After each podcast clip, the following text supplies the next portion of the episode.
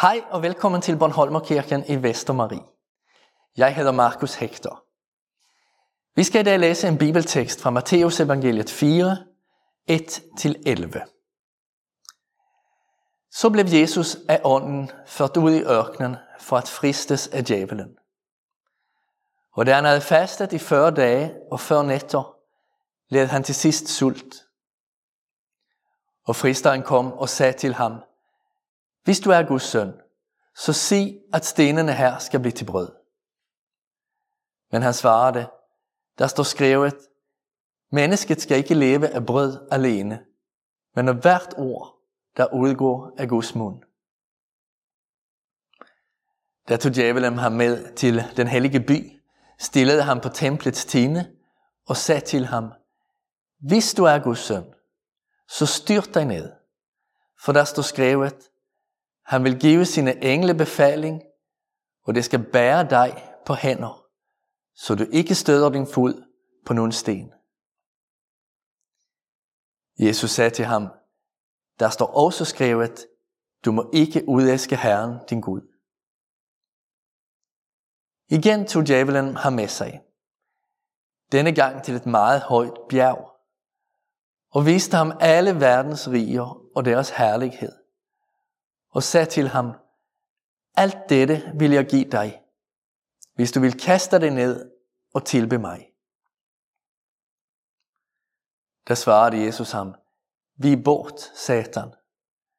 For der står skrevet, du skal tilbe Herren din Gud og tjene ham alene. Der forlod djævelen ham, og se, der kom engle og sørgede for ham.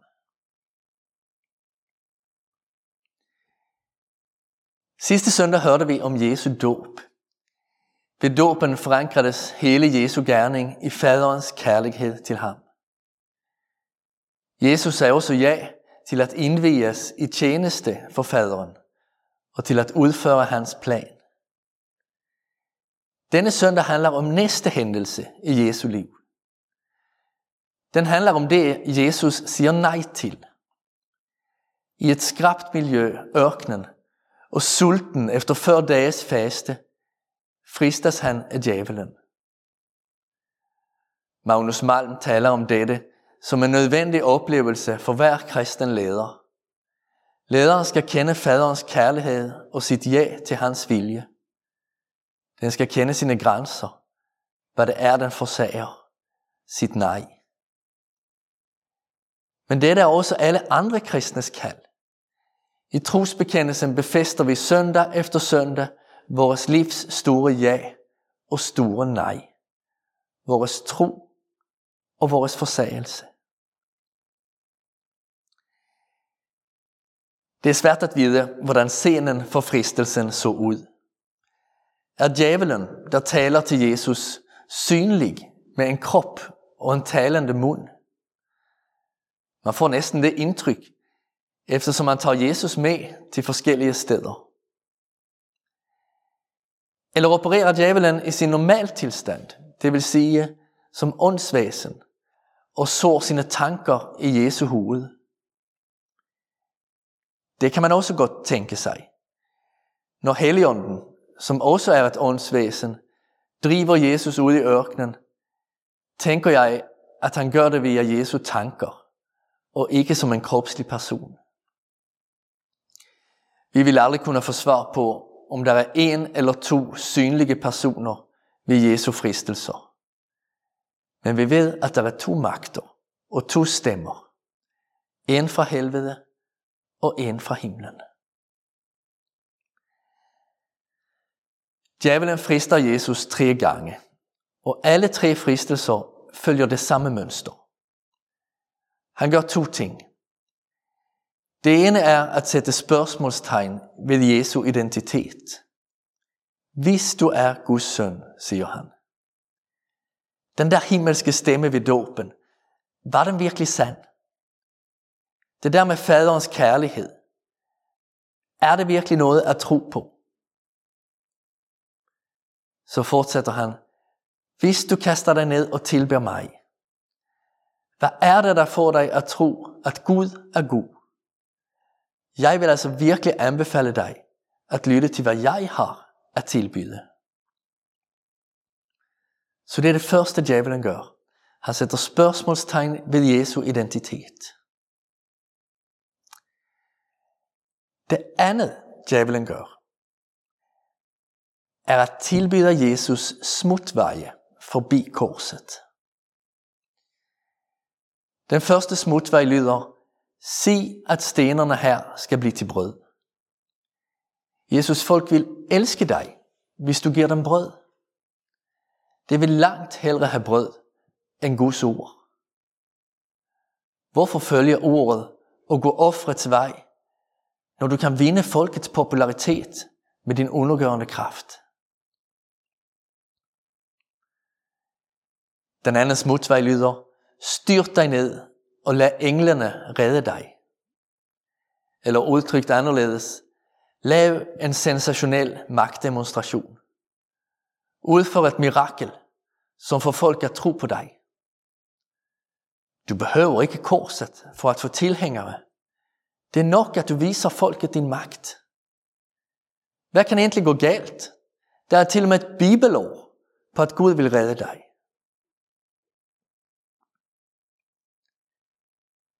Den tredje smutvej er muligheden at opnå lige det, som korset vil resultere i for Jesu del. Rige og herlighed ved i stedet for at tilbede djævelen. Jesus, jeg vil give dig magt over kejseren, over Herodes, over Pilatus. Ingen vil kunne foragte dig eller bestemme over dig. Popularitet, tilhængere, magt og ære. Det er ikke små ting, Jesus bliver tilbudt, hvis han bare opgiver faderens plan for sit liv.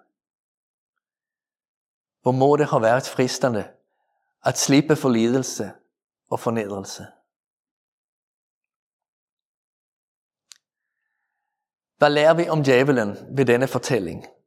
Og hvad lærer vi om Jesus? Om djævelen lærer vi dels, hvorfor han er en djævel. Han kræver pladsen i centrum og alle andres tilpasning. Tilbed mig og adlyd mig, lyder hans opfordring. Dem af os, der har mødt en psykopat, ved hvad mønster det er, vi snakker om. Djævelen har alt sit fokus på sig selv. Han vil intet godt for mennesker. I forlængelse af dette er djævelens perspektiv dels hele tiden oppefra. Han vil gøre samfundet til et klatresamfund, hvor alt handler om jeg og mig og mit.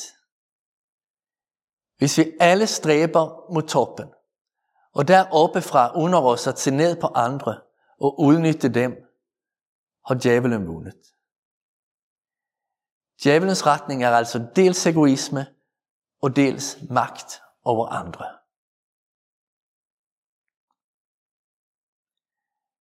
Hvad lærer vi så om Jesus og af Jesus ved denne fortælling? Vi lærer, hvad troen på Guds ord gør ved et menneske. Jesus svarer hele tiden djævelen ved at henvise til det, der står i 5. Mosebog.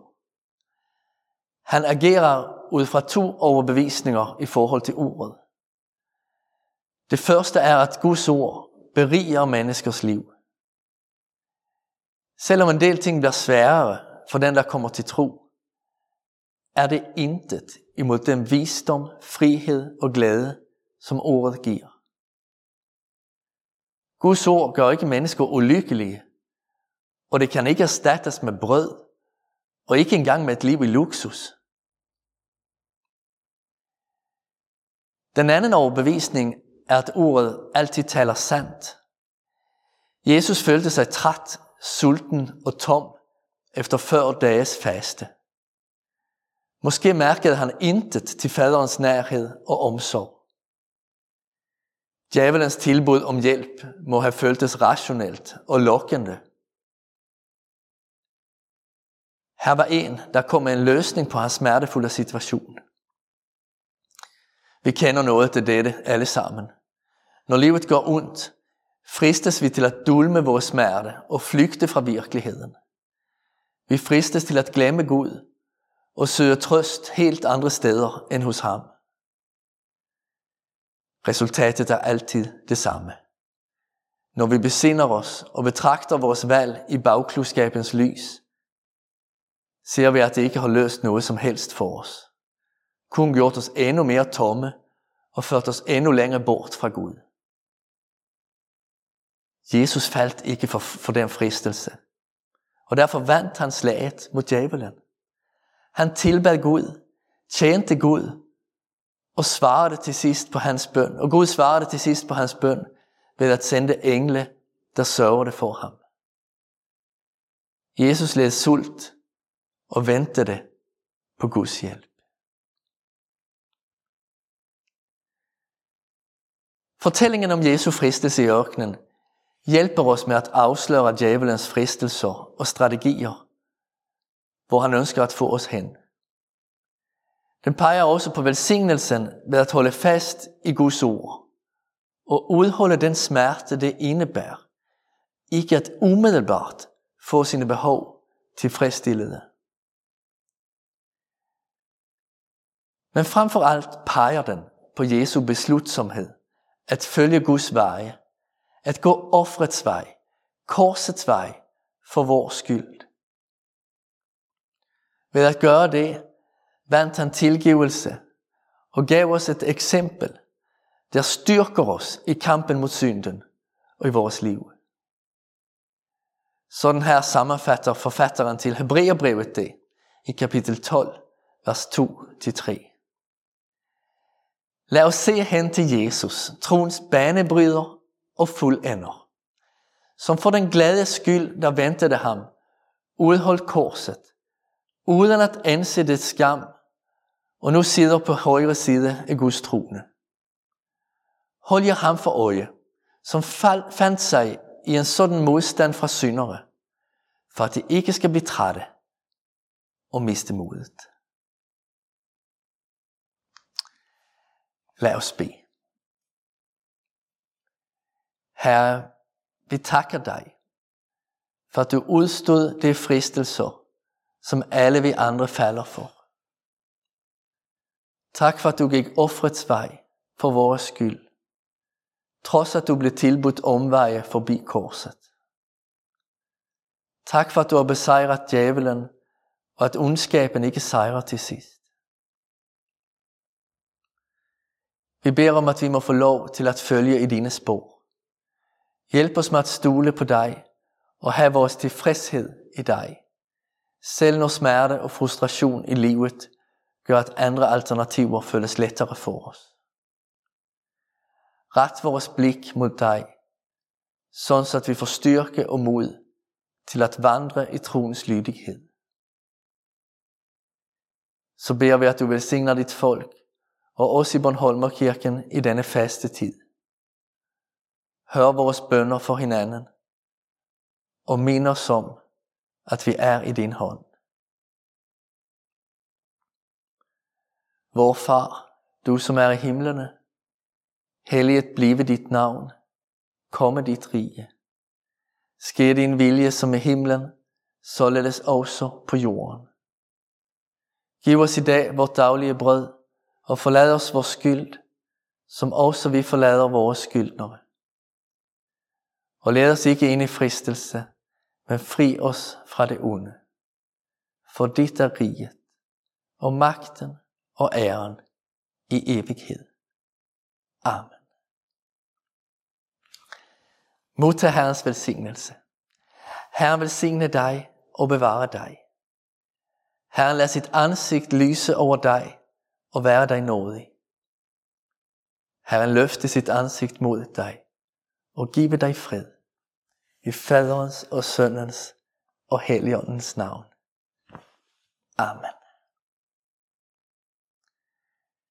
Tak for det, du så med. Jeg vil ønske dig en rigtig god søndag.